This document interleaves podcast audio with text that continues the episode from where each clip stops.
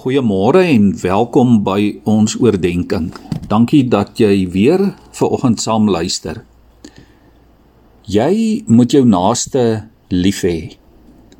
Waarskynlik het jy al hierdie reël gehoor. Hierdie gebod was eerste in Levitikus 19 vers 18 in die Ou Testament opgeskryf. En dit verskyn net nadat ons in Levitikus lees dat ons nie wraak moet neem of 'n grief teen mense moet koester nie.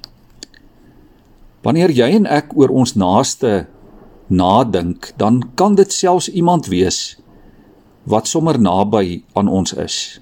Iemand wat dalk langs aan ons woon. Om werklik te weet wat jou naaste eintlik beteken, sal ons moet terugkyk na die oorspronklike Hebreëse teks van Levitikus 19 vers 18. Die woord wat daar gebruik word vir naaste is die woord plesion en dit beteken vriend of enige ander persoon. Dit kom daarop neer dat ons veronderstel is om vir almal lief te wees. Ja, om lief te wees vir daardie familielid vir wie dit dalk nie so maklik is om lief te wees nie. Die man by die kruidenierswinkel daardie frustrerende persoon iewers in jou straat.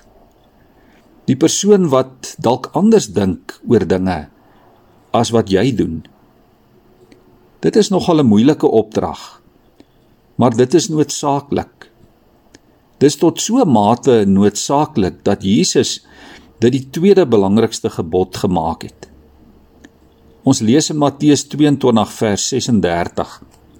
Meneer, vra hy, Wat is die grootste gebod in die wet?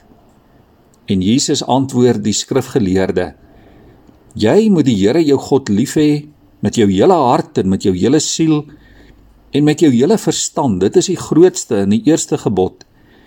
En die tweede wat hiermee gelyk staan is: Jy moet jou naaste lief hê soos jouself.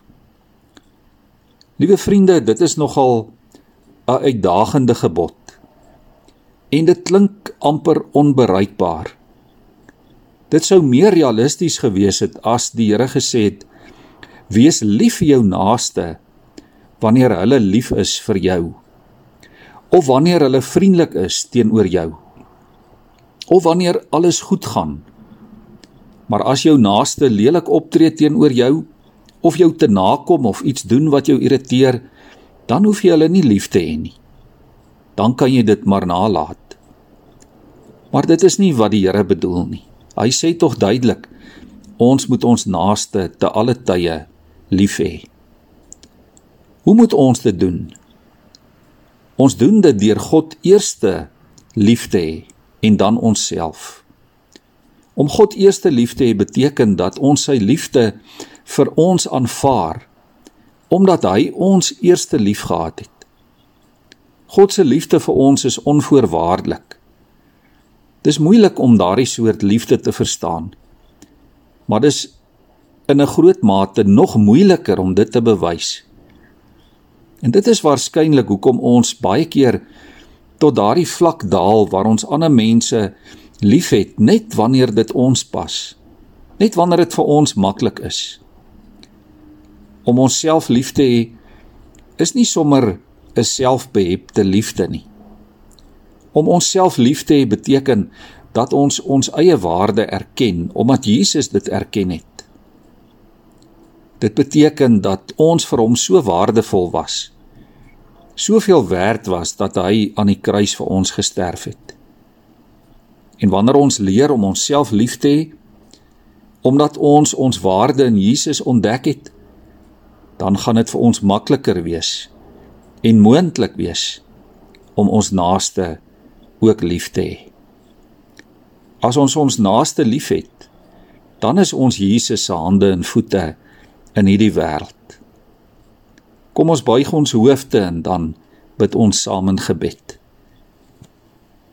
Here, dankie dat ons vanmôre kan hoor dat U, o Here, ons eerste liefgehad het dat U ons so waardevol geag het soveel werd geag het, Here, dat U U lewe vir ons gegee het. Dat U vir ons kom wys het wat liefde beteken het. Ja Here, dat U tot die uiterste gegaan het om vir ons te kom sê, weet jy wat? Ek het jou baie lief.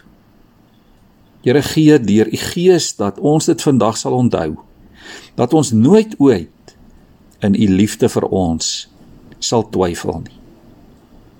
Here maak dit dan vir ons ook lekker om ander rondom ons lief te hê.